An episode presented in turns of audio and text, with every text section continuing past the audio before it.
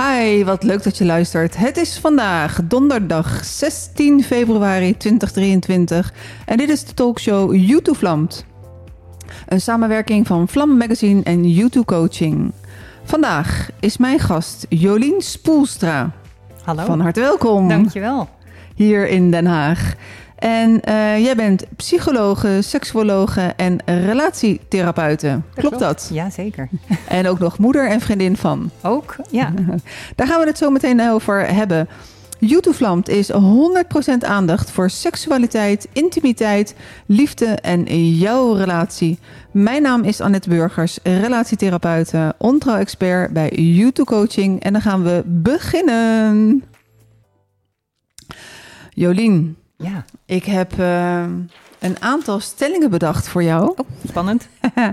en uh, ik ben benieuwd. Uh, je mag, als ik de stelling gesteld heb, je keuze natuurlijk direct kenbaar maken. En je mag ook nog uitleggen hoe of wat. Oké. Stelling 1. Monogamie, polyamorie of origami? Origami. Vertel. Nou ja, het is een hoofdstuk uit mijn, uh, uit mijn eigen boek. En met origami bedoel ik eigenlijk dat je je relatie zelf zo kan vormgeven of vouwen. Met een blaadje, zeg maar. Maar daarmee bedoel ik vormgeven zoals, zoals het bij jou of bij jullie past. Mm, Oké. En uh, voor de luisteraar, ik hou nu het boek omhoog. Dat is uh, lekker niet te zien op de radio. Uh, zinderend leven en uh, met als uh, ondertitel Verbeter je seksleven en vergroot je levensgeluk. En daar gaan we het vandaag ongetwijfeld uitgebreid over hebben. Stelling 2. Vreemd gaan opbiechten of mee het graf innemen? Oh, opbiechten. Opbiechten, vertel. Um, omdat ik... Um omdat ik denk dat je er ook een hoop van kan leren en de relatie er ook van kan groeien. Uh, uh, maar dat dat wel ook de reden moet zijn om het op te biechten. Niet vanuit eigen. Ja, dat het lastig is dat jij met een geheim zit. En Schuldgevoel. Dat, ja, precies. En dan de ander het maar, dan het maar neerleggen bij de ander en die ermee belasten. Um, um, ik denk dat het, uh, als je echt denkt van er zit dus iets wat, wat wringt en schuurt waardoor dit gebeurd is. En ik wil dat graag met jou oplossen. Dan denk ik dat opbiechten een hele elegante oplossing is. Ja, hè? Uh, ik zeg eigenlijk altijd hetzelfde van ja, als je, het, uh, als je het alleen maar vertelt om van je schuldgevoel af te komen, neem het dan maar mee uh, het, het graf in. Ja, precies. Dat schuldgevoel, en, en hou je schuldgevoel lekker bij je. Precies, dat is er ook voor een reden. Ja. Precies. Uh, stelling nummer drie: faken of aanwijzingen geven? Aanwijzingen geven, sowieso. Vertel. Nou ja, heel veel mensen die, uh, die faken. En dan neem ik aan dat je ook uh, dat je orgasmes bedoelt. Hè? Uh, dus orgasmes worden best wel vaak gefaked. En wat je dan krijgt is dat mensen, partners denken dat ze het goed doen. En daarmee hou je slechte seks in stand. Je krijgt wat je accepteert. Dus ik ben een tegenstander van faken. Gewoon zeggen wat je, wat je wil. Mm. Jolien, ik ga even diep in de ogen kijken. Betekent dat dat je in je hele leven nog nooit gefaked hebt? Dat klopt. Mm -hmm. Zeker. Ik heb het wel eens gedaan.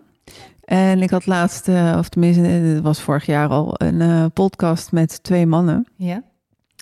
En uh, ik denk dat het heel erg naïef is van mezelf. maar ik kwam erachter tijdens die podcast dat mannen ook wel eens faken. Ja, ja. En het schijnt zelfs best wel vaak te zijn. Dus um, in het boek uh, Seks van um, Rick van Lunsen en Ellen Laan, daar uh, las ik laatste cijfers dat zo'n 60% van de vrouwen wel eens gefaked heeft. En dat zelfs op dit moment in de huidige relatie 30% van de vrouwen nog wel eens faked. Maar dat ook 25% van de mannen wel eens faked.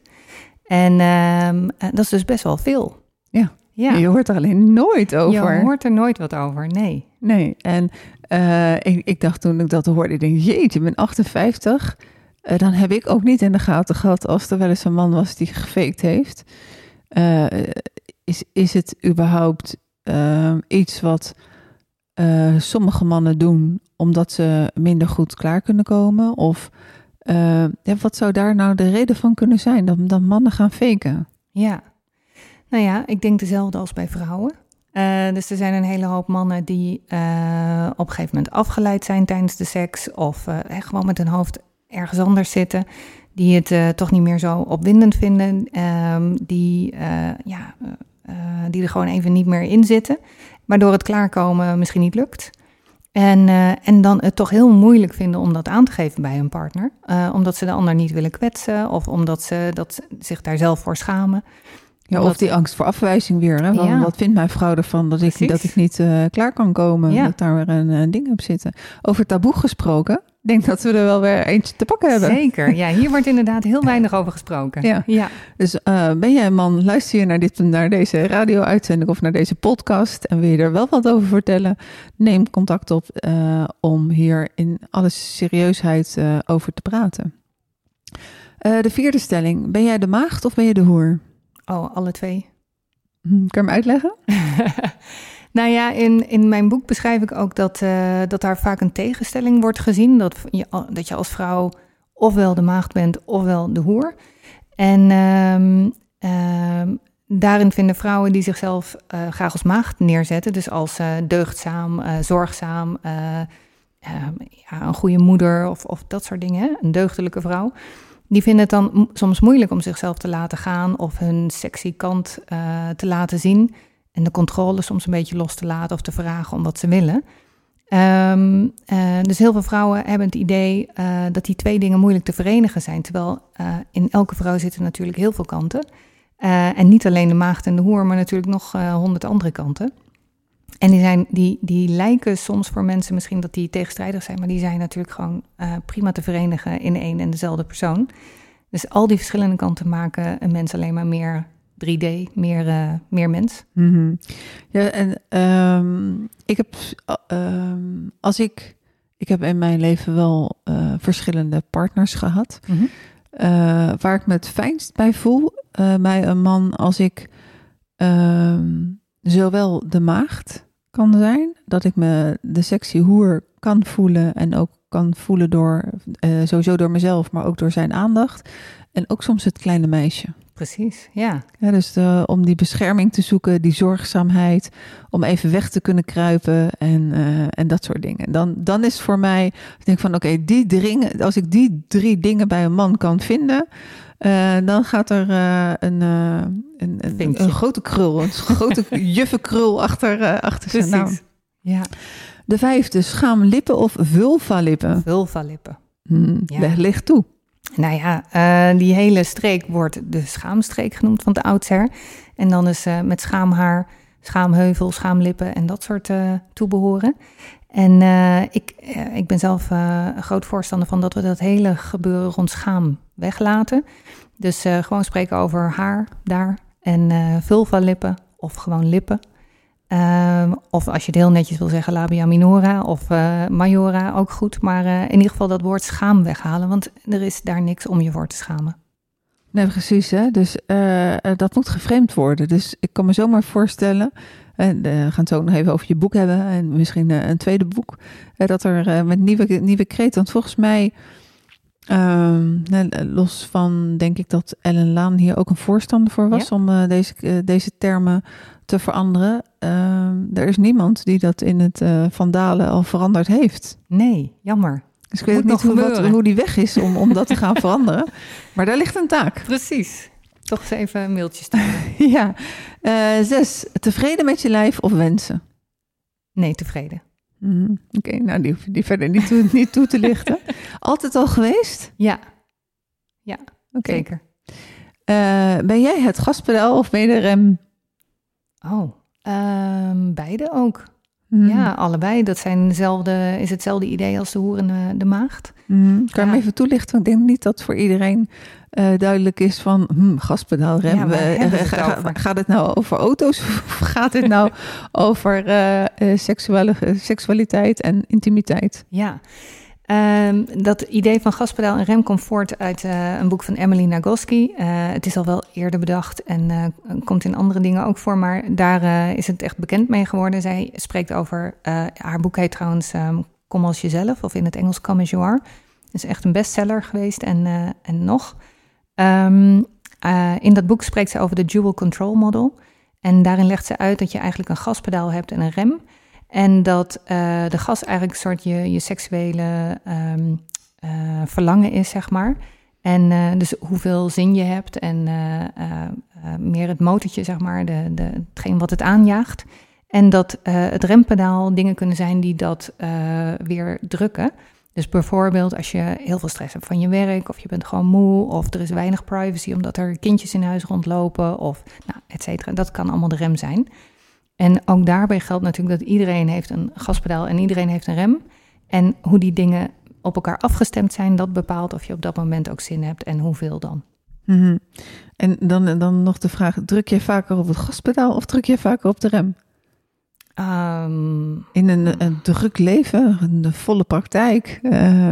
Ja, nee, er zijn natuurlijk genoeg remmende dingen, maar er is ook uh, altijd gas bij iedereen. Tenzij je misschien meer last hebt van aseksualiteit, of last hebt als je uh, aseksualiteit bij jou speelt, hè, dan is die rem, sorry, dat gaspedaal is er gewoon minder. Um, in ieder geval richting, richting anderen. Um, maar bij eh, de meeste mensen is dat gaspedaal is gewoon aanwezig en die rem is ook aanwezig. En afhankelijk van de omstandigheden wordt soms de rem wat meer ingedrukt en soms uh, uh, krijgt die, dat gaspedaal wat meer ruimte. Mm Oké, okay, helder, dankjewel. de stellingen waren klaar. Oké. Okay. Vond je het lastig? Nee, wel mee? Nee hoor, nee. Het. Leuk. Goed zo. dan wil ik het graag hebben over ehm, het belang van masturbatie. Ja. Het is ook wel een taboe onderwerp. Ik heb het graag altijd over taboe onderwerpen, omdat ik vind dat er veel meer en veel beter gesproken kan worden over van alles. Mhm. Eh, wat o zo lastig is. En dan moet ik zeggen dat, uh, dat ik in mijn jongere jaren ook best wel het een ingewikkeld onderwerp vond om met uh, mijn toenmalige partner te bespreken. Mm daar is best wel een taboe op als je het hebt Um, ik, ik, geef nu les, uh, drie MAVO, mijn traject gedaan van tien weken seksuele vorming. Uh, ja, iedereen gaat natuurlijk lachen over dat onderwerp. Het is uh, best wel een kunst om het onderwerp uit die lacherige sfeer te krijgen en om daar serieus over te praten. Ja, en lukt het uiteindelijk wel? Uh, nou, nee, ik ben daar niet tevreden over. Nee, dat, dat, was best. Het blijft uh, moeilijk.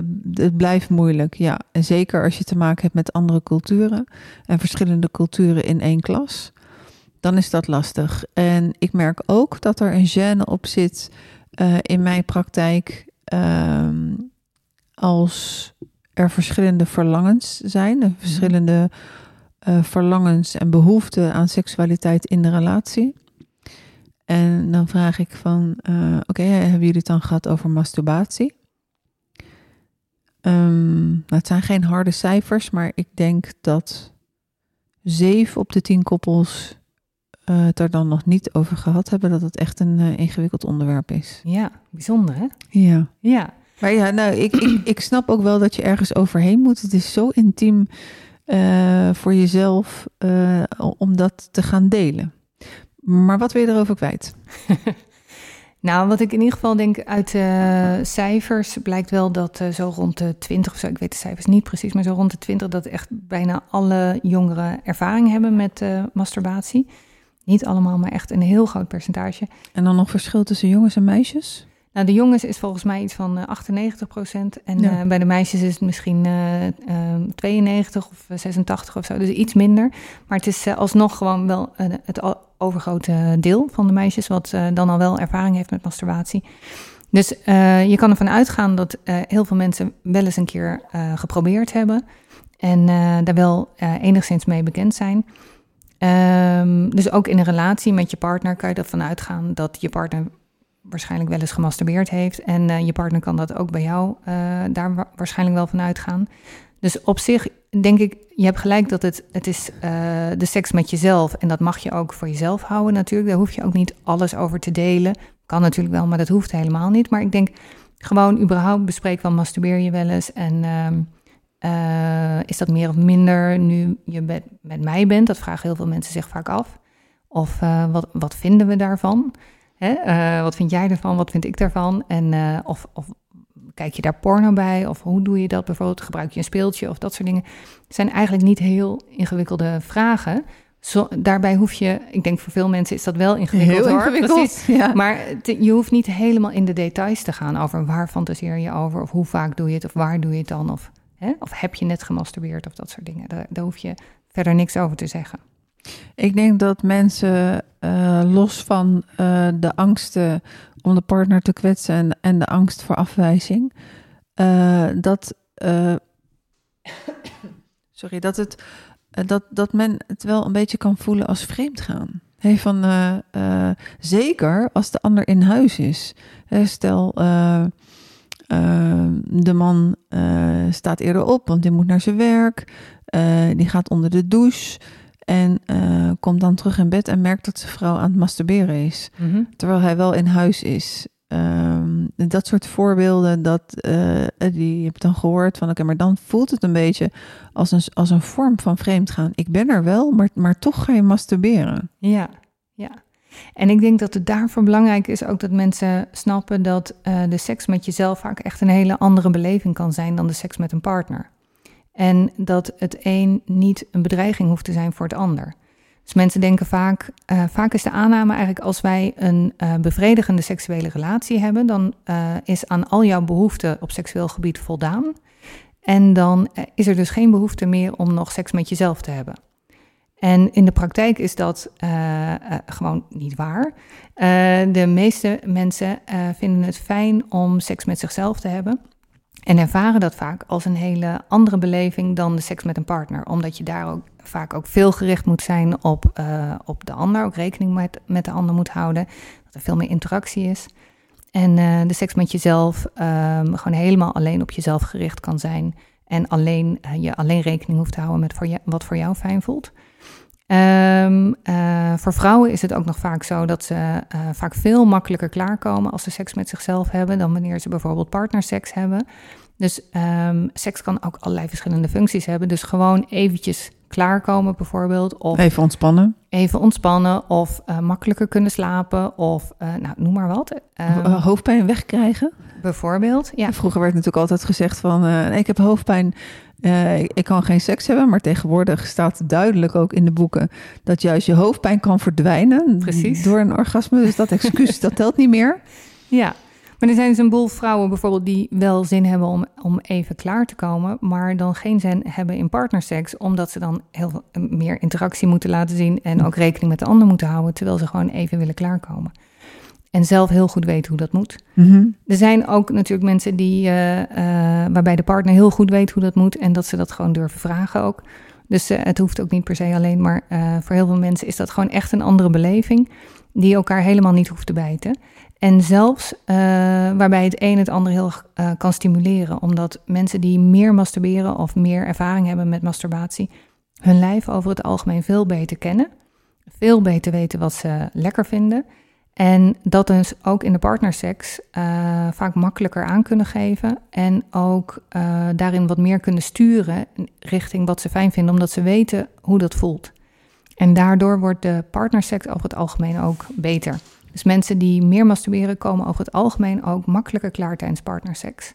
En mensen die meer masturberen hebben over het algemeen ook meer partnerseks. In tegenstelling dus wat over het algemeen gedacht wordt, dat als je uh, bevredigende seksuele relatie met een partner hebt, dat je dan niet meer zou masturberen. Dat klopt dus niet. Nee, en uh, het is ook zo volgens mij dat uh, als je veel masturbeert, dan hou je ook op de een of andere manier ehm, ja, het vuur brandend. Of dat, dat, dat je meer zin hebt. En als je in tegenstelling tot als je heel weinig seks hebt, en dan heb je op een gegeven moment niet zoveel behoefte meer. Waar, komt dat eigenlijk vandaan? Ja, um, uh, een onderdeel daarvan is wat we wel het responsief verlangen noemen. Dus mannen hebben vaker dan vrouwen een wat we noemen een spontaan verlangen. Die uh, zonder dat er misschien seksuele prikkels zijn, uh, ontstaat daar een zin in seks. En vrouwen hebben wat vaker dan mannen een responsief verlangen. En dat wil zeggen dat er eigenlijk eerst seksuele prikkels moeten zijn voordat ze zin krijgen. En het algemene idee is eigenlijk dat je vaak pas als je zin hebt, gaat bewegen richting seks. Dus als je zin hebt, ga je je man zoenen of je vrouw zoenen of uh, masturberen of zoiets.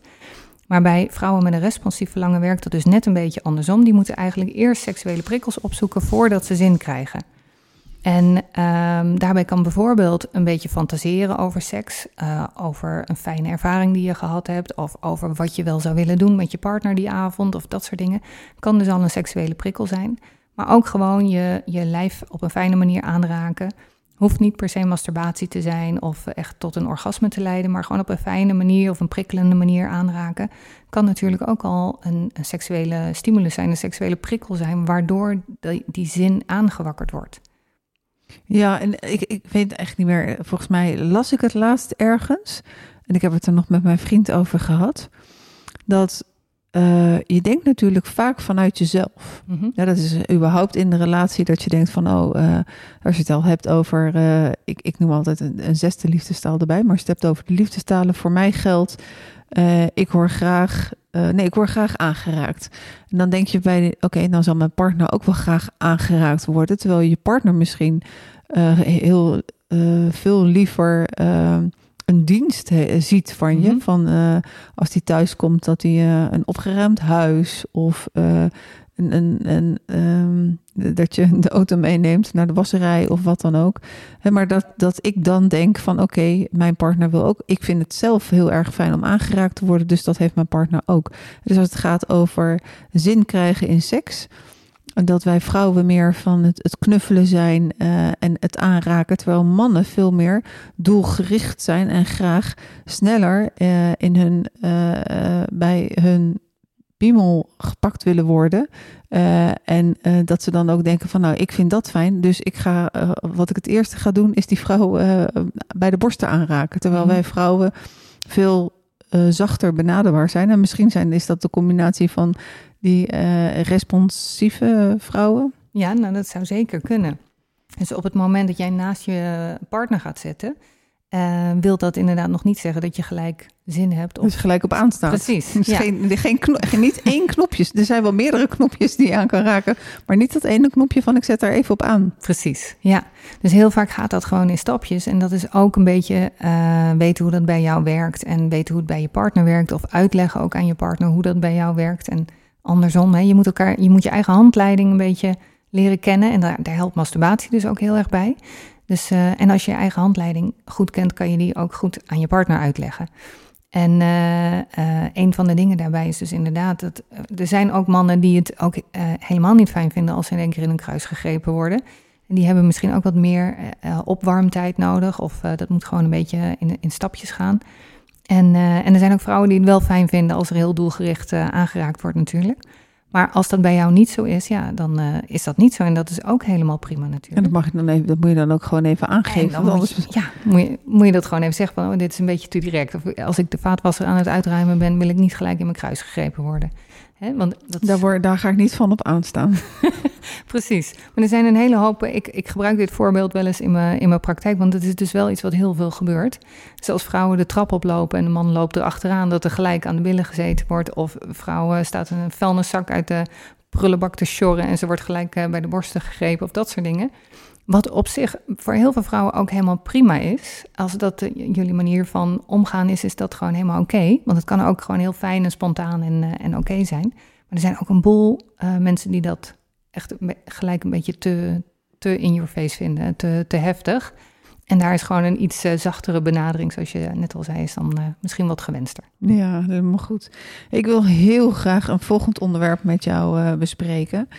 Um, ik, uh, ik heb trouwens uh, je boek gelezen en over vreemdgaan denken we precies hetzelfde. Oké, okay, ja, over mooi. ontrouw en, vooral ook die kans om een compleet nieuwe relatie te krijgen Ja. met, je, met dezelfde partner. Um, het spanningsveld, ik vind het super intrigerend en interessant wat er op dit moment is.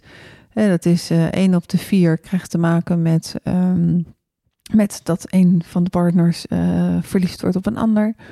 Uh, vaak wordt het natuurlijk helaas niet gezegd en niet besproken. Dus een van de twee gaat vreemd. Nou, vervolgens komt het aan het licht en dan komen uiteindelijk die gesprekken toch nog wel op gang. Uh, dat enerzijds. Anderzijds nog steeds uh, de invloed waarvan ik zelf denk van het Calvinisme. Mm -hmm. uh, van wat goed is en wat slecht is en wat fout is. Uh, daarbij de angst om het gesprek aan te gaan over uh, verlangens. Uh, en een beweging die volgens mij toch wel steeds groter wordt.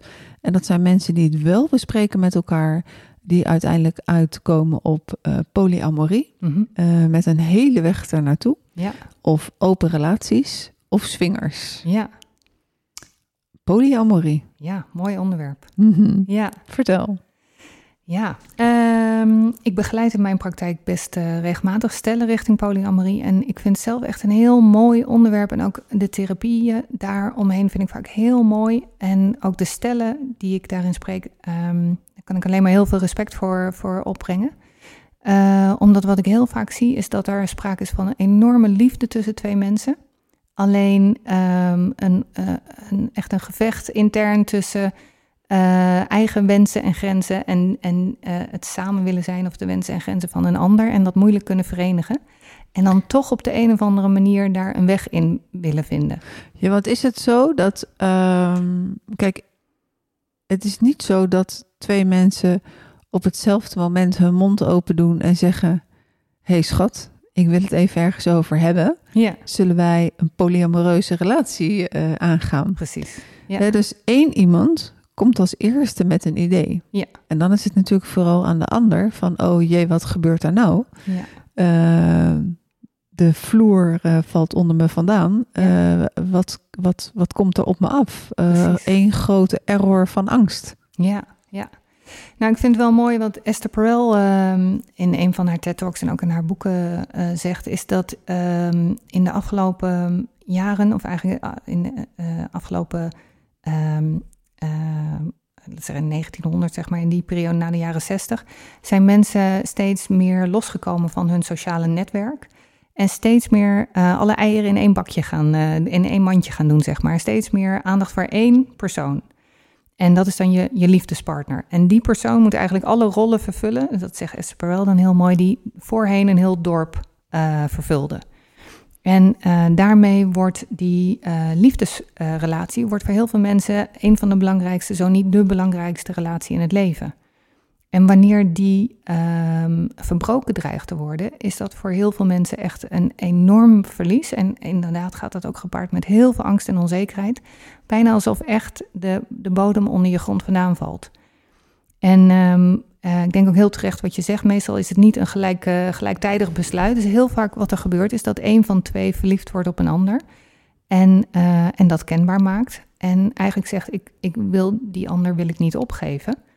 Of ik wil dat gaan onderzoeken. Of ik wil die mogelijkheid hebben om dat te onderzoeken.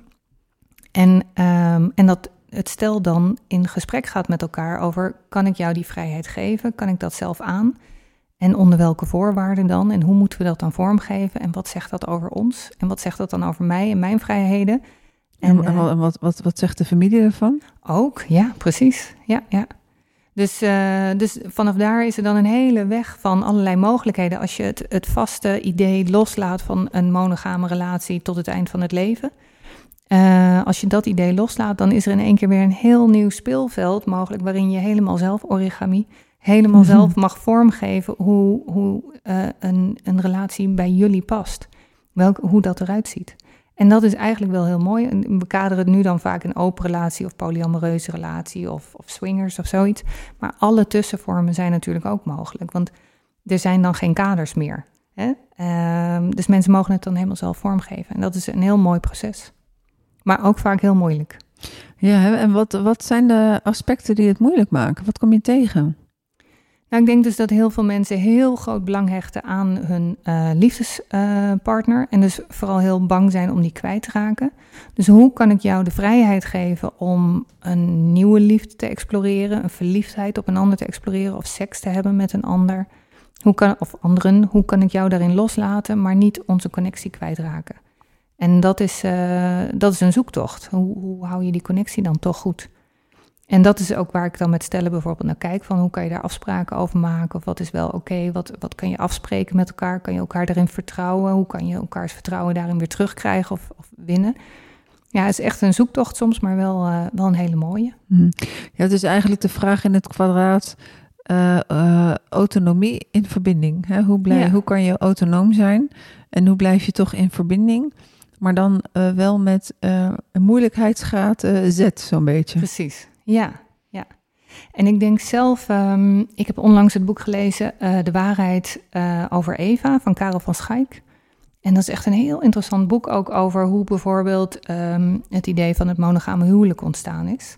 En wat, uh, wat ik daaruit meegenomen heb, is dat je eigenlijk ziet dat um, de jager-verzamelaars, dus uh, mensen van echt uit de prehistorie en zo, hè, dat, dat die heel vaak een soort polyamoreuze relaties hadden. Um, waarbij ze meestal korte tijd een, een soort vaste relatie met één iemand hadden, maar af en toe nog wel seks met een ander. En dan vervolgens ging die relatie, die werd weer opgebroken. En dan kwam er misschien een wat meer vastere relatie met iemand anders. En ook af en toe seks weer met iemand anders. Dus meer een soort polyamorie slash seriële monogamie. Mm-hmm. hè? Een beetje een combinatie daarvan. En uh, pas 8000 jaar geleden, toen veranderde die samenleving van jager-verzamelaars naar een boerensamenleving. En toen gingen mensen settelen op één gebied. En daar kregen ze toen ook een huis, en, of een hutje dan in die tijd. Een hutje en een stukje land en uh, graan en wat varkentjes en, en dat soort dingen. En toen kwam er bezit. En als er bezit komt, gaan mensen ook nadenken: wat gebeurt er met mijn bezit als ik doodga? En toen is het idee van een huwelijk ook ontstaan. Omdat, uh, en ook van het monogame huwelijk, omdat je als je dan bezit hebt en je wil dat dat ergens naartoe, dat naar je eigen kinderen gaat, moet je wel weten dat die kinderen ook echt van jou zijn. En um, zo is dus het idee van een, een uh, monogaam huwelijk ontstaan, waarbij man en vrouw vaak als maagd in het huwelijk treden en dan beloven dat ze voor altijd alleen maar seks met elkaar hebben. Ja, dan weet je in ieder geval zeker, hè, als, dat, als, als dat nageleefd wordt, dat het jouw eigen kinderen zijn. Precies. Voor precies. het om het bezit na te laten. Precies, ja. En dat heeft dus eigenlijk is meer een, uh, een economische uh, afspraak geweest, een economische afweging, dan dat dat iets te maken heeft met hoe we misschien gewired zijn. Hè? De mens heeft gewoon de mogelijkheid om verliefd te worden op meer dan één persoon. En uh, zich aangetrokken te voelen tot meer dan één persoon. En ook soms tegelijkertijd. En zeker als je echt in een langdurige relatie zit, is het heel goed voor te stellen dat dat een keer gebeurt. En zo gauw, zolang er uh, huwelijken zijn, zie je ook dat dat gewoon constant ook blijft gebeuren. En uh, dan mag het officieel niet, maar uh, dan gebeurt het stiekem via ontrouwen, vreemdgaanaffaires en dat soort zaken. Of in stilte verlangen naar iemand, maar er geen, geen acties aan verbinden. Ja, het, ik, ik, denk dat het heel goed is om, om daarover te praten met z'n tweeën, als niet een van de twee al verliefd is. Mm -hmm. Uh, want dan heb je natuurlijk een, een uh, ja, de, de, de partner die, die schikt zich al uh, een, een, een, een hoedje, om het heel braaf te zeggen. Hè, die schikt zich, een, schikt zich een hoedje dat het onderwerp op tafel ligt. Mm -hmm. En uh, schiet dan echt uh, drie meter de lucht in. Als blijkt dat die partner dan ook al, is, uh, al verliefd is op een ander. Mm -hmm. Waardoor je misschien inderdaad het gevoel krijgt van ja, wat moet ik nou? Nou sta ik met mijn rug tegen de muur. ik wil dit helemaal niet. Ik, ik, wil mijn partner niet kwijtraken. Maar we hebben het nooit gehad over een polyamoreuze relatie. En nu moeten we het er ineens over hebben, omdat hij of zij uh, verliefd is op een ander. Ja. Dus het is een, een, een ingewikkeld startmoment. Hoe, hoe merk je dat mensen daarop reageren? Nou ja, dat is inderdaad uh, ingewikkeld, omdat dan, ja, er is al uh, eigenlijk, oh, er is al eigenlijk bijna niet meer over te praten, omdat die de ander soms al uh, helemaal besloten heeft van, ja, maar ik, ik kan dit niet loslaten. Dit is. Er is dan vaak natuurlijk al seks geweest. Nou, dat hoeft helemaal dat niet. Dat hoeft niet, maar nee, ik kan ja, me wel kan. voorstellen ja. dat dat dan in, in uh, misschien wel meer gevallen al geweest is. En dat, dat het dan uh, aan licht is gekomen. En van, nou ja, zeg maar dag tegen je, je vriend of tegen je vriendin. Ja, dat wil ik helemaal niet. En dat dan pas op gang komt. Waardoor de, uh, de partner die niet het onderwerp op tafel heeft gelegd, eigenlijk al. ja, zeg eens wat, 10 meter achter staat. Voor een voldongen feit staat. Ja, ja precies. Nee, de cijfers weet ik niet, maar ik hoor ook best wel regelmatig dat, uh, dat er een verliefdheid is zonder dat er al seks is geweest. En dat mensen dan opbiechten dat ze verliefd zijn op de buurman of op een collega of, uh, of zoiets. En dan kan er vaak nog wel over gepraat worden, alhoewel die verliefdheid vaak ook al een heel sterke emotie is waar mensen toch vaak iets mee willen. als er eenmaal al seks geweest is, dan kan dat natuurlijk nog gecompliceerder zijn. Hè? Um, hoeft ook niet per se, maar dat, dat kan. En um, ja, het is inderdaad voor de partner bij wie dat dan, bij wie dit op tafel gelegd wordt, inderdaad, uh, ik denk dat je gelijk hebt dat je dan al uh, 10-0 achter staat. Omdat je dan al niks meer kan bespreken over wat vinden we hier eigenlijk van en waar trekken we de grens, want er is al overheen gegaan. Hè? Ja, en, en tegelijkertijd, hè, eh, ik zeg natuurlijk net tegen jou van nou, het zou mooi zijn als nog niet een van de twee verliefd is, maar tegelijkertijd kan ik me ook voorstellen dat als je, uh, als je elkaar net ontmoet, uh, dan denk je van nou ja, wij gaan in ieder geval voor een liefde lang. Mm -hmm. Ik mhm. zeg dan niet eens een leven lang, maar we gaan voor een liefde lang. Ehm, en ja, in, in, principe heb je dan helemaal geen behoefte vanuit die eerste jaren, dat je mm -hmm. eerst verliefd bent en dan die liefde zich verdiept. Uh, dus dat je het dan eigenlijk, als je, als je het bespreekt, hè, ik heb altijd zoiets van: oké, okay, bespreek je heilige ruimte, je exclusiviteit. Mm -hmm. Maar als je daar nog goed in zit, in, in die liefde, dan zeg je van: nee, dat gaan, wij echt niet doen. Ja. Het, het wordt misschien pas ook echt aangewakkerd als je verliefd wordt. En als je denkt van ja, uh, je gaat je verdiepen, je gaat inderdaad Esther Perel lezen. Uh, en, uh, en er zijn, er zijn uh, Leonie Jansen, nee, uh, hoe heet zij? Nou ja, maakt helemaal niet uit. Um, maar je gaat je erin verdiepen en je gaat lezen en je denkt van... hé, hey, maar wij mensen zijn helemaal niet geschapen om monogaam te zijn. En het leven is kort en ehm, ja, er, er, zijn zwingers, er zijn open relaties, polyamorie. het kan nu allemaal. Dan komt het eigenlijk pas, pas op. Net zoals, ja. er zijn natuurlijk ook genoeg mensen die, die pas... Uh, het, de loodgieter laten komen bij een waanzinnig grote lekkage. En niet van tevoren gaan denken van... hé, hey, waar zou ik nu even die loodgieter voor halen? Precies. Uh, voor het geval dat ik daar een lekkage krijg. Ja, precies. Ja. Dat maakt het natuurlijk ongelooflijk ingewikkeld. Nou ja, en ik denk inderdaad dat het heel belangrijk is... om over dit soort dingen wel te praten van tevoren. En misschien dat in de verliefdheidsfase dat nog wat ingewikkeld is. Kan, omdat je daar dan met je hoofd niet bij bent... Alhoewel het dan misschien ook wel een goed moment is, omdat veel mensen dan juist elkaar heel erg aan het ontdekken zijn en veel tijd met elkaar spenderen en heel veel vragen aan elkaar stellen en veel over zichzelf vertellen. Dus dit is uh, misschien ook wel juist een moment om het wel te bespreken.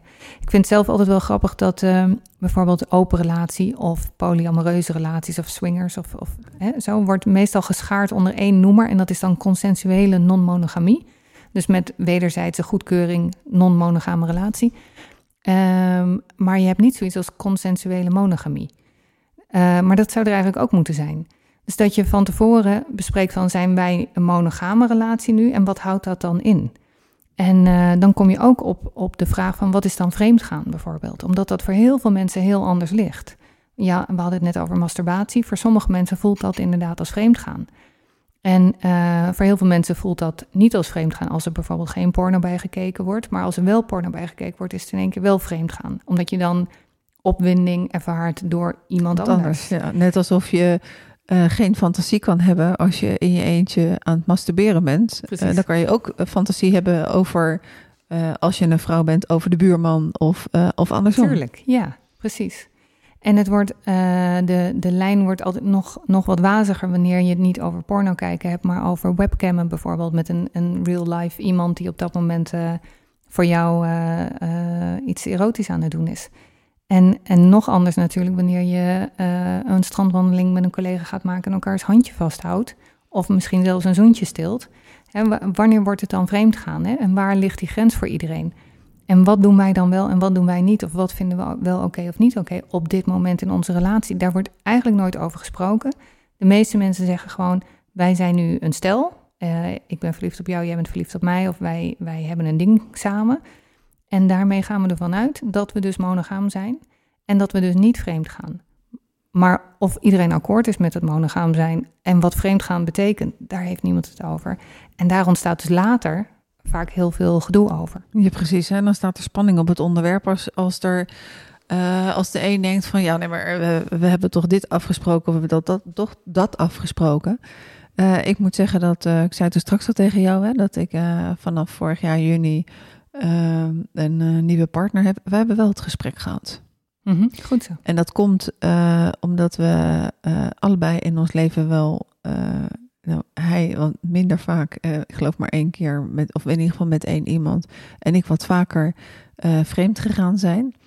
Uh, en dat hij, ja, in het begin praat je natuurlijk ook heel veel over eerdere relaties. Hoe ouder je wordt, hoe meer je te vertellen hebt. Precies, als het goed is wel. en nou ja, dus hij had ook wel zoiets van, jeetje, wat voor een relatie-cv heb jij? dus de angst sloeg hem groots om, om het hart. Ehm, waardoor hij ook wel heel erg veel behoefte had van, van nou ja, inderdaad, ik, ik wil een monogame relatie met je. En hoe gaan we dat afspreken? Wat betekent dit en wat betekent dat? Mm -hmm. uh, en daar staan we ook wel helemaal hetzelfde in. Met het verschil dat ik hoop dat op een dag, hè, stel hij is stellig overtuigd hoor, maar dan stelt dat hij toch ontrouw is geweest. Um, en, uh, en uh, bij mij komt en zegt van, goh Annette, nou ik had nooit gedacht dat ik dat zou doen.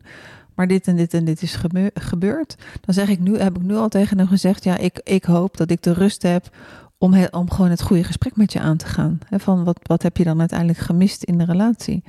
Of wat mis je? Wat mis je nog steeds? En wat betekent dat? En uh, ja, hoe willen wij hier verder mee omgaan? Terwijl hij heel rigoureus is en zegt van ja, nee, daar hoef je niet meer aan te komen. Uh, dan gaat de deur dicht. En oh, dan uh, uh, op die manier. Wat zonde. vind ik ook. maar ik respecteer het. Ja. dus ik heb zoiets van: oké, okay, ik ga ook niet de relatietherapeut uithangen en dat gesprek met hem aan op die manier. Ik weet hoe hij erover denkt. Mm -hmm. En, en dan denk ik van ja, soms hebben mensen zo'n stellige mening over iets. Mm -hmm. En het is, dus het, het is voor mij oké, okay, ik ja. uh, in die zin. Dus in ieder geval om aan te geven. En ik denk dat als je wat ouder met behoorlijk wat ervaring een relatie begint, dat het eerder kan voorkomen dat je wel zo'n gesprek aangaat met elkaar. Ja, dat denk ik ook. Kijk, dat idee van die monogame relatie, dat zit zo ingebakken in ons DNA door eeuwen en eeuwen aan dat dat het adagium is. Um, en daarin denken we dat dat gewoon, dat is hoe het hoort, dat is hoe de mens gemaakt is of uh, dat is wat goed is. Maar het is gewoon een, een cultureel construct. Het is lucht, het is niks. Um, en uiteindelijk mag je gewoon zelf kijken van hoe, hoe wil ik mijn relatie vormgeven? Wat is voor mij belangrijk in een partner? En, en match dat met, met mijn huidige partner of degene precies, waar ik het is wel fijn ben. als het matcht. Ja, precies. Ja, precies. Het, gaat, het draait in een relatie niet alleen om jou. Uh, maar om jullie gezamenlijke dingen en de overlap daarvan. Um, en ik denk dat, uh, dat wanneer je eenmaal gemerkt hebt door je leven heen en door ervaring dat uh, het monogame ideaal zeg maar niet voor je gewerkt heeft. En dat, dat merken heel veel mensen op een gegeven moment wel in hun leven. op Second Love was in, in 2019 waren er 900.000 inschrijvingen. Dat zijn dus alleen de mensen Second Love is zo'n platform mm -hmm. hè, voor mensen die nog een relatie ernaast zoeken, zonder dat hun partner dat over het algemeen weet. Um, uh, dat is nu dus al zo'n vier jaar geleden, dus ik neem aan dat het aantal nog wat gestegen is. Ook uh, met corona waarschijnlijk uh, nog wat extra inschrijvingen. Um, en dit zijn dan alleen nog maar de mensen die zich ingeschreven hebben. Er zijn ook heel veel mensen die vreemd gaan of wel openstaan. Zonder second love, ja. Die, die dat doen zonder inschrijving. Dus heel veel mensen maken in hun leven wel een keer, uh, krijgen te maken met vreemdgaan op de een of andere manier. Ofwel doordat ze dat zelf doen of, um, of die verliefdheid merken op een ander. Of doordat het een overkomt. En dan uh, kan ik me inderdaad goed voorstellen dat je als eenmaal ervaren op relatiegebied weer aan een nieuwe relatie begint, dat je dat gesprek wel voert. Het zou natuurlijk fijn zijn als we dat allemaal al deden. Dat we zien dat dat gewoon een reële optie is en dat alle mensen daar anders in staan. Ja, en uh, dus er zijn natuurlijk geen handleidingen voor. Er zijn wel een aantal boeken die erover geschreven zijn. Evenzo merk ik dat in de samengestelde gezinnen, die ik ook veel in mijn praktijk heb. dus dat, dat als je jong bent en je begint aan kinderen, dan heb je ook geen gesprek ja, jouw zoon is, is negen, dus dat is -hmm. nog vrij, vrij recentelijk. Maar ik heb dan kleinkinderen van vijf maanden en, en vijftien maanden. Ik geloof niet dat mijn kinderen met hun partners het gesprek hebben gevoerd vooraf van hey, zullen wij kinderen nemen, maar denken we eigenlijk wel hetzelfde over opvoeding. Ja. Dat is ook zoiets wat, wat later dan pas van uh, wat, wat vinden we hier? Zitten we wel op één lijn? Precies. Is de een niet uh, heel erg laissez-faire en de ander autoritair? Dan kan dat ook behoorlijk botsen. Los van het feit dat het in samengestelde gezinnen enorm botst, want er Precies. zitten natuurlijk twee verschillende culturen. Maar dat is ook geen onderwerp wat je aan het begin van een relatie gaat bespreken met elkaar. Nee. En eeuwig zonde. En eh, of het nou aan het begin van de relatie moet, is nog een tweede. Maar op het moment dat je echt serieus over kinderen gaat nadenken, denk ik wel dat dat besproken moet worden. Omdat daar inderdaad uh, heel vaak uh, allerlei botsingen uit voortkomen. Hè? Dus ik, vrienden van mij die kregen een kind en ehm, de een die zei van nou inschrijven op een, op een christelijke school en de ander die sloeg stel achterover. Die dacht, christelijke school, ben je gek geworden? Waarom, waarom nou een christelijke school? Maar zij had dat zo meegekregen van huis uit dat dat normaal was. Dus dat is hoe zij dat wou. En dat leek, daar had ze nooit over nagedacht dat, dat, dat haar vriend dat, daar anders precies, over na hè? Ja. Dus nou ja, zo zijn er legio voorbeelden waar mensen gewoon een soort van uitgaan. Dit is gewoon de waarheid of dit is wat goed is, dit is hoe het hoort. Zonder dat uh, even te toetsen bij de ander. Ja, hè? en dat doen we natuurlijk sowieso al heel weinig toetsen bij de ander. Want we, we doen heel veel aan aannames. Ja. dus uh, dat, dat klopt wel. Um, wil je nog iets zeggen over polyamorie of kunnen we naar het volgende onderwerp? Um... Is er nog een vraag die ik je daar niet over gesteld heb? En wat misschien nog wel een vraag van mij is: van wat, wat is het, het grootste probleem wat men tegenkomt? Is dat uh, een praktisch iets? Is het een, uh, een mentaal iets? Is het, uh, heeft dat dan te maken met jaloezie? Of wat je net zei, uh, wensen en grenzen, waar ben ik? Wat, wat is nou het grootst, het meest voorkomende, nee, laat ik zo zeggen, de grootst voorkomende uitdaging, klopt dit nou taalkundig, op het gebied van polyamorie? Ik denk dat het ook nog een beetje, moet ik nog een klein beetje uitweiden, want ik denk je hebt eigenlijk twee groepen mensen die uh, met non-monogamie uh, bezig zijn. Eén ehm, is de groep waar, het net, ik net een beetje aan refereerde. Dat zijn mensen die vaak al in een langdurige relatie zitten. Vaak ook al met uh, kinderen bijvoorbeeld. Een hele gedeelde geschiedenis en een heel, heel verweven leven al. Waarbij inderdaad op een gegeven moment de seks niet meer goed loopt. Of de, de, ehm, er een verliefdheid op een ander ontstaat. Of seksuele wensen voor een ander en zo. Waarbij mensen zeggen: Ik wil niet alles wat we opgebouwd hebben loslaten. Uh, ik wil graag jou vasthouden en wat wij hebben vasthouden. Maar ik wil ook de vrijheid hebben om uh, op seksueel gebied, op relationeel verder te experimenteren. En ik denk dat voor die groep, dat daar met name jaloezie en onzekerheid om kwijt te raken wat ze opgebouwd hebben samen en die vaste grond waar ze op staan, waar hun hele leven op gebaseerd is, um, de angst om dat kwijt te raken het grootst is. En uh, daar komt natuurlijk veel jaloezie, et cetera, uit voort. Um, en je noemde net ook al eventjes, ook uh, schaamte of uh, afkeuring vanuit de omgeving is daar ook vaak een struikelblok bij. Omdat mensen soms samen wel heel goed daarin een weg weten te vinden, maar het heel moeilijk kunnen delen met vrienden of ehm, familie. Waarbij dat rond de kerst en verjaardagen en, en, dat soort dingen allemaal heel ingewikkeld wordt en heel geheimzinnig moet worden en dat soort dingen. Ja, als zijnde een huisvriend of een huisvriendin Precies, en dat ja, soort. Die er dan ook altijd bij is. Ja. Um, en nog even de tweede groep is wat ik nu zie, is meer bij uh, wat jongere uh, mensen. Waarbij die denk ik gewoon wat meer, ook door social media, zien dat dingen als gender, seksuele voorkeur of leefstijl of relatievormen, dat dat heel erg omgeven is door sociale constructen die door tijd en plaats wisselen. En dat je daar dus je los van kan maken en zelf je eigen weg in kan vinden. En daarin zie je dus dat het woord fluïde komt daar heel vaak in terug. Dus ook genderfluïde en ook in relaties wat meer fluïde. Dat je ziet dat het niet meer dat vaste zwart-wit, het is aan of uit. Of ik ben man of vrouw, of ik ben hetero of homo. Maar dat alle tussenvormen op al die gebieden ook allemaal mogelijk zijn. En daar zie je wat minder dat dat te maken heeft met schaamte of onzekerheid of, uh, of dat soort dingen. Um, uh, dat, dat, speelt daar heel vaak heel, eh, een stuk minder, omdat ze vaak gewoon ook in een uh, uh, omgeving zitten waarbij dat heel normaal is en heel geaccepteerd is. Ja, ik, ik zie dat wel bij jongeren dat het best wel ingewikkeld is. wat, wat ben ik nou? En er zijn zoveel keuzes om te maken. Ja. Dat ze, dat ze door, zeker in die puberteit, eigenlijk nog een zwaardere fase gaan dan zoals het vroeger was. Vroeger was je, ja, je was homo of je was hetero. Uh, hier en daar uh, was er dan iemand, een man die, die vrouwenkleding aan, kleding aandeed of zo. maar er is nu veel meer om over na te denken. Ja, omdat alles kan. Ja, ja precies, alle tussenvormen kunnen. Dus dat, net zoals er zijn zoveel studies dat mensen studiestress krijgen. Precies, ja. dus dus dit is ook een stress die erbij komt om een extra keuze te maken. Ja, precies. Um, Uh, wat is nu de, de meest voorkomende vraag die mensen aan jou stellen als ze echt uh, naar jou komen als seksuologe? Um, nou, ik zie uh, um, de, de klachten waarmee mensen bij mij komen is heel divers. Dus echt van gender vraagstukken tot pijn bij het vrije of verschil in verlangen. En ik werk met name op het gebied, het snijvlak van seks en relatie. Daar ligt echt mijn, mijn expertise.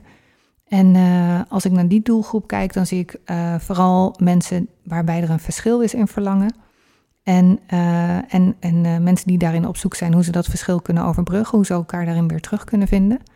En bij de wat jongere doelgroep zie ik met name ook de vraag van, is wat ik heb normaal? Ben ik normaal? is meer, daar is meer voorlichting en normalisatie en acceptatie aangewezen. Mm. En de vraag van verschil in verlangen. Kijk, Um, het, zou, het is natuurlijk ook wel echt. Het zou heel bijzonder zijn als je allebei net zoveel verlangen zou hebben. Uh, en dan zou het ook misschien wel saai zijn. maar hoe kan je daar het beste mee omgaan? Ja, nou, ik denk eerst, als eerste door deze realisatie. Dat wanneer je twee mensen hebt, ga ik even uit van een, van een relatie met twee mensen. Uh, als er twee mensen zijn, dan hebben jullie nooit op hetzelfde moment evenveel zin in precies hetzelfde. Of dat nou om een broodje pindakaas gaat, of naar de film gaan, of om seks en wat voor seks dan ook. Je hebt, er is altijd een verschil, want het zijn twee verschillende mensen.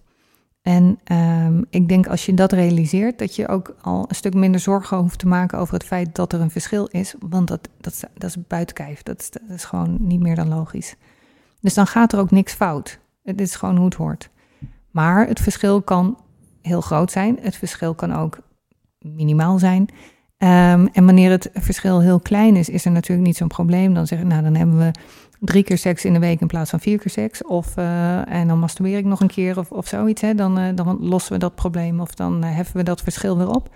Dat is, dat is makkelijk op te lossen. Maar wanneer iemand één keer in, de, in het jaar seks wil en de ander wil drie keer per dag seks, dan wordt het een beetje een ingewikkeld verhaal natuurlijk. Hè.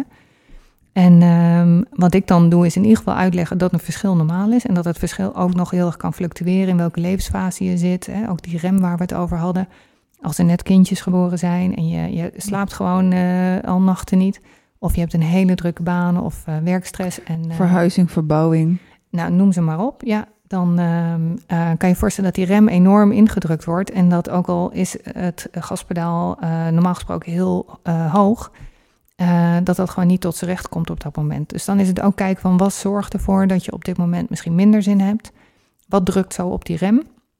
En, uh, en is daar iets aan te doen uh, door of gewoon begrip of afwachten? Of kunnen we gewoon praktische oplossingen bedenken?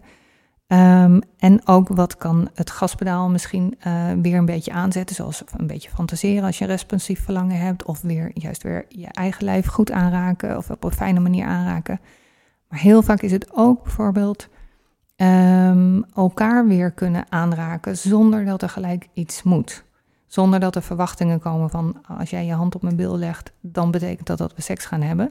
En als dat niet gebeurt, dan ben ik heel teleurgesteld en gaan we met de ruggen naar elkaar toe slapen. Dan gaat niemand een hand op je bil leggen als er zoveel druk op komt te staan. Dus het gaat ook over vrijblijvend kunnen vrijen um, zonder, zonder druk. Ja, en ik hoorde uh, onlangs in mijn praktijk ook, uh, en dat is een, uh, een lastige die wel goed te begrijpen is, maar toch wel heel erg lastig is. In dit geval was het een relatie man-vrouw. Mm -hmm. En de relatie liep al een tijdje niet goed. En de dame in kwestie had het gevoel er niet toe te doen. Mm -hmm. um, en moest alles vragen als het ging ook om het huishouden. en Um, en ik vond het ongelooflijk mooi en eerlijk dat ze het zei. En ze zei: um, Ja, als jij, als het al zo moeite kost voor jou om iets in het huishouden te doen. Toen dacht ik op een gegeven moment van ja, bekijk het dan maar. Dan ga ik niet de moeite doen om seks met jou te hebben. Ja. Payback time. Precies, ja. Dan wordt een, een strijd die eigenlijk om iets anders gaat, wordt in de slaapkamer uitgevochten. Ja. Hè? En, uh, en dat is iets wat, uh, wat ik inderdaad ook wel vaker te horen krijg, is dat uh, mensen boos zijn over hele andere dingen. Um, en dan als reactie zeggen, dan geef ik jou niet meer wat jij zo graag wil. Eh, en dan voel jij die frustratie ook maar eens een keer. Hè? Ehm, en dan probeer ik dat wel echt uit elkaar te halen. Dat het een hoort bij het een en het ander hoort bij het ander. Um, en dat moeten we het ook gaan hebben over dat huishouden. Wat gebeurt daar en, en uh, hè, waarin, waarin voel je je niet gezien? En um, ja, hoe, kan dat, hoe kan dat opgelost worden? En bijvoorbeeld in de, in de seksualiteit is seks dan alleen iets wat je geeft aan de ander? Of kan je daar ook zelf iets uit halen? Is het alleen een cadeautje wat je geeft als iemand uh, uh, lief voor je is? Ja, om iemand te belonen voor, voor goed gedrag, voor het buitenzetten van het vuilnis bijvoorbeeld? Of, of is het ook iets waar jij zelf iets uit kan halen? Is het ook een cadeautje voor jezelf? Kan je het ook op die manier zien? Heb je het ooit op die manier gezien?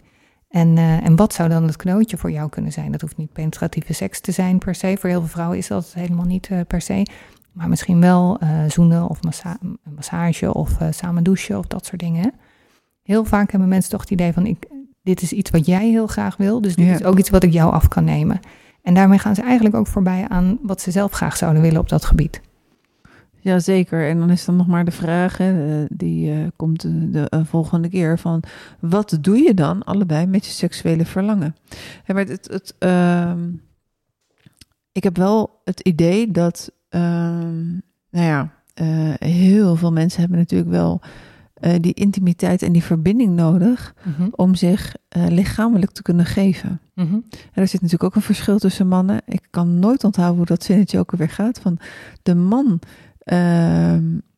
gebruikt seks uh, voor de weg naar het hart en de vrouw an, net andersom. Mm -hmm. maar er, er zit een, ver, een, verschil en dat hoeft niet zo te zijn man-vrouw. Mm -hmm. maar meestal is het wel zo bij een van de twee dat hij echt wel de verbinding nodig heeft en de intimiteit voor zich seksueel open, te, open te geven, over ja. te geven, letterlijk te geven dan. Ja, dat klopt. Ja. Ik, ik leg zelf wel vaker aan mensen uit, uh, ik noem dat het vliegwiel-effect van intimiteit en seks. Daar zie je dat in een, um, een beginnende relatie is er vaak veel intimiteit. Dus veel vragen, veel connectie, handje vasthouden, maar ook uh, interesse tonen, aandacht voor elkaar. En daardoor ontstaat vaak ook de zin in seks. En doordat er seks is, is er vaak ook weer meer zin om bij elkaar te zijn en aardig voor elkaar te zijn. En komt die intimiteit weer. En daardoor zwengelt zichzelf dat vaak aan. En op het moment dat dat op de een of andere manier verbroken wordt, bijvoorbeeld doordat een affaire uitkomt of doordat er kindjes komen of werkstress, al die dingen, dan uh, zie je datzelfde mechanisme dat dat zichzelf tegen kan werken. Dus op het moment dat de intimiteit of de connectie dan even niet gevoeld wordt, is er ook minder zin in seks. En doordat er minder zin in seks is, uh, missen mensen, gaan mensen ook die intimiteit minder opzoeken en missen mensen die connectie. En werkt zichzelf dit tegen. Precies. Ja. En dan is het, uh, waar ga je beginnen om het weer terug te krijgen? Dat maakt het eigenlijk niet uit, want als je het een begint, dan krijg je het ander ook wel weer uh, terug. Precies, maar ik ben, uh, ik ben nooit een voorstander of een promotor van seks terwijl je geen zin hebt of, of terwijl je daar niet met je hoofd bent, zeg maar. Dus ik begin zelf altijd bij de intimiteit en de connectie. Mm. Ja, ik zeg ook niet dat je het tegen je zin in zou moeten doen, maar het kan wel zo zijn dat je uh, als je eigenlijk wel zin hebt in, in, in uh, lust, in dat mm -hmm. stukje, dat die intimiteit ook weer eerder op gang komt. Omdat Zeker, je op, ja. op dat seksuele vlak die verbinding maakt. Precies, ja. Uh, Jolien, ja, helaas, we hebben nog twee minuten te gaan. Het gaat snel, hè? We hadden al van tevoren snel. van een ja. uur. het lijkt veel, maar het gaat super, super snel. welke vraag heb ik je nog niet gesteld? En zat jij in de auto hier naartoe en dat je dacht van, nou, hier wil ik het nog wel graag over hebben? Uh, ik zou in ieder geval graag nog willen noemen dat ik um, 5 juni uh, bij een, uh, een webinar host voor Vlam. En dat gaat ook over het, het snijvlak tussen relatie en seks. En dan met name ook over verschil in verlangen en hoe mensen dat oplossen. Ofwel binnenin hunzelf, dus meer psychologisch. ofwel binnen de relatie, ofwel ook buiten de relatie. Dus bijvoorbeeld door consensuele non-monogamie. Dat is een mooi woord voor galgje overigens. Voor ja, ja. of voor welk, welk woordenspel Precies. dan ook. um, uh, dus voor mensen die, uh, die deze uitzending geluisterd hebben en vooral ook dat stukje interessant vinden, weet dan dus via Vlam, Vlam Magazine of vlammagazine.nl dat daar op een gegeven moment ook de aankondiging komt voor de webinar. Hartstikke goed. En waar kunnen mensen jou vinden? Um, op jolienspoelstra.nl en ik heb een praktijk in Haarlem. Oké, hartstikke goed. En nog eventjes op de valreep, want er, zit toch geen radio-uitzending achter. Dus dat, dat eigen ik me gewoon even toe dat het een minuutje langer mag duren. Uh, de meeste mensen hebben wel gehoord van de G-spot bij vrouwen. Ja. Uh, maar kan je vertellen wat mannen hebben voor een G-spot? Die heet anders, hè? Maar wat hebben mannen voor een plekje? De prostaat? Nee, daar zit van binnenin, precies ergens nog achter, kan je naar in de anus, dan aan de binnenkant, dan heb je zo'n plekje waar zij dan uh, een soort van uh, spotplekje hebben. Aha. Oh, geen idee. Wat ik begrepen had van de G-spot is dat het ofwel uh, de achterkant van het clitorale complex is wat gestimuleerd wordt, ofwel ook een soort rudimentaire prostaatkliertjes die om de plasbuis in zitten. En ik zou dus denken dat het uh, equivalent daarvan bij de man is de prostaat, die natuurlijk ook voor heel veel mannen heel fijn voelt als die gestimuleerd wordt. En uh, ook vaak het klaarkomen veel makkelijker maakt, de drempel laag maakt. Uh, maar misschien dat daar ook nog een, uh, een ander plekje is wat, uh, wat bij mannen heel fijn is. Dat weet ik niet. Nou ja, in ieder geval is ons verhaal om erover te praten. Hè, om te vragen ook aan je partner, wat vind je fijn? Precies, dat is duidelijk. En, en als de man dat fijn vindt, dan, dan moet hij dat vooral aangeven. Ja. En als wij vrouwen ehm, wat we ook fijn vinden, moeten we dat ook aangeven. Uh, Jolien, ik waardeer het ongelooflijk dat je hier vanavond bent. Want je hebt je koffer zo gepakt in verband morgen, morgen om op vakantie. te gaan. Dus Precies. dat je dan toch hier vanavond bent, uh, vind ik super, super gaaf. Ik vond het ook heel erg leuk om je ontmoet te hebben. Dankjewel. En uh, ik zou zeggen tegen alle luisteraars, schrijf je in via Vlamme Magazine. En over twee weken zit ik hier weer met de radio. En uh, dan heb ik uh, Tony Verheij. En Tony Verheij die kletst twee uren uh, in één uur. heeft ontzettend veel te vertellen. Dus luister dan ook weer. En Jolien, super, super dankjewel. En we gaan meer van je horen, denk ik. Ja, en meer misschien ook wel voor je lezen. Ja. Nog eventjes helemaal op de valreep. het boek Zinderend Leven is natuurlijk te bestellen via bol.com en allerlei andere wegen. Ik heb het zelf via bol.com Ja. besteld. Je volgende boek, waar gaat dat over? Nou, eh, ik zit te denken om een boek te schrijven over uh, de tien vragen die je moet stellen voordat je aan een serieuze relatie begint. Oh, wat een mooi onderwerp. Ja. Nou, uh, er zijn er vandaag een paar voorbij Precies, gekomen. precies. Ja, die je kan gebruiken. Uh, dus, nou, dat was nog even op de velroop. Dankjewel, uh, Jolien, voor je aanwezigheid. En voor de luisteraar graag tot de volgende keer.